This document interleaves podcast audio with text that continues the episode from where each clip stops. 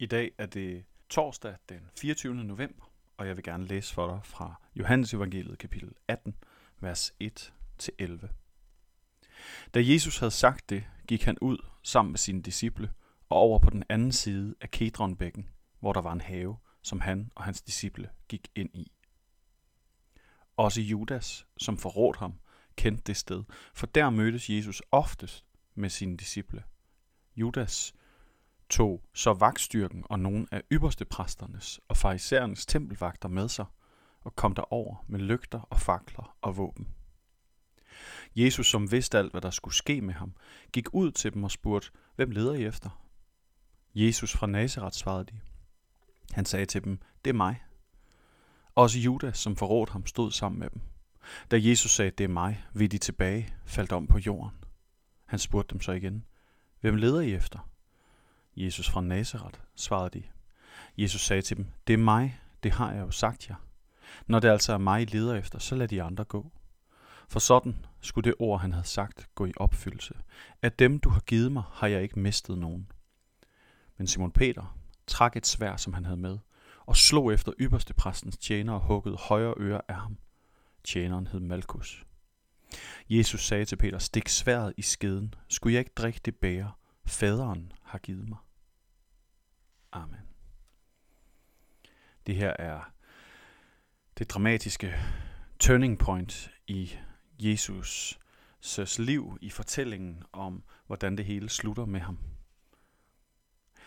Jesus har netop spist påskemåltidet med sine disciple. Påskemåltidet, hvor der manglede et offerlam.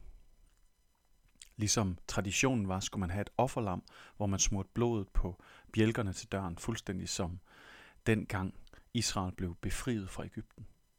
Og det offerdyr manglede, de havde spist brød, og de havde spist urter, og de havde drukket vin. Men påskemåltidets lam havde været væk. Det havde det, fordi at Jesus selv er det lam, der skal ofres. At påskens forudsigelse, eller det som påsken foregriber, det er, at Gud han vil lade nogen eller noget ofre for os alle sammen.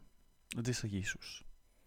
Så når vi kommer til den her del, så kan vi tage ham ind og se, se hvordan han er påskelammet her. Han ved, hvad der skal ske ham, og han går lige ind i den dødsens farlige situation. Han accepterer sit livsvilkår. Så han står der i haven, hvor han har undervist sine disciple, hvor han har undervist Judas, som forråder ham. Han står der med alle sine minder, med alt hvad der er sket, alt hvad Gud har gjort gennem ham. Og så hører han lygterne, eller han hører vagterne. Han ser lygterne. Han hører klinken af våben i skederne. Og han ved, hvad der skal ske med ham, står der. Så han går ud og spørger, hvem de leder efter. Han spørger, fordi han vil beskytte de andre. Den opoffrelse, du ser her. Den opoffrelse for sine disciple, for dem han har kær. Hvad vækker den i dig? Jeg har jo sagt jer, det er mig. Når det altså er mig, I leder efter, så lad de andre gå. Jesus står som familiefaren i dødsfar siger, tag mig, lad min familie gå. Som helten, der siger, det er mig, I leder efter. Lad ikke de andre ske noget.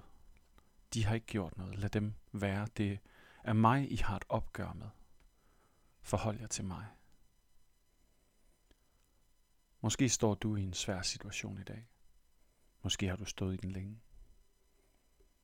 Måske trænger du til at høre, at Jesus han vil sige det samme til dig. Hvis du ønsker at være hans, hvis du ønsker at være en del af hans familie, hans folk, hans gruppe, hans følgere, så vil han sige på samme måde, stille sig imellem dig og det, som du frygter, det som er imod dig, og sige, tag mig i stedet. Det er mig, du skal forholde dig til. Han vil stå der som beskytteren. Og det betyder ikke, at vi ikke bliver ramt, fuldstændig som han blev ramt. Det betyder ikke, at dit liv bliver rosenrødt og let, men det betyder, at han vil stå der. Imellem dig og faren. Imellem dig og det, du er bange for. Imellem dig og ondskab. Og fordi han står der, så kan ondskaben ikke ødelægge dig helt. Fordi han står der, kan det du frygter ikke fuldstændig nedbryde dig. Fordi han står der, bliver slagene svækket. Det betyder ikke, at det ikke kan bide og gøre ondt. Men det betyder, at du har en Gud, som står lige nu og siger, det er mig, du leder efter. Lad hende, lad ham gå. Det er det, han siger til døden allervigtigst der i påsken. Han siger, det er mig, du har et opgør med. Herfra har du ikke noget med dem her at gøre. Og derfor beder han os Peter stik sværet i skeden. Derfor vil han ikke have, at nogen offrer sig for ham, at nogen går i martyrkamp for hans skyld. Han har ikke brug for det. For han siger, det er et bære, faderen har givet mig. Jeg har taget imod det fra min egen far, som elsker mig, som siger, han har velbehag i mig, som har gjort enorme ting for mig og igennem mig, som jeg kender. Og jeg har taget imod det. Det er ikke en socialt kontrollerende far, det er en far og en søn, som er enige om, hvad sønnen skal gøre, selvom at det er ubærligt svært. Her til morgen, så vil jeg bede dig om at forholde dig til det, som er i vejen eller står imod dig i dit liv. Og forestil dig Jesus stå imellem dig og det. Det er det, han siger. Det er det, han ønsker at gøre. Lad os bede sammen. Gud, tak fordi du sendte Jesus for at tage det opgør med ondskab, med døden, med dommen, som du gjorde. Jesus, vil du også stille dig imellem mig og det i mit liv, som er mig imod. De udfordringer, jeg har svært ved at takle. Det svære vilkår, som jeg er blevet tildelt. Vil du også tale til mig med de milde ord, med de trøstende ord, med de stærke ord. Det er mig, I leder efter. Lad de andre gå. Tak Gud. Amen. Kan I have en rigtig dejlig dag.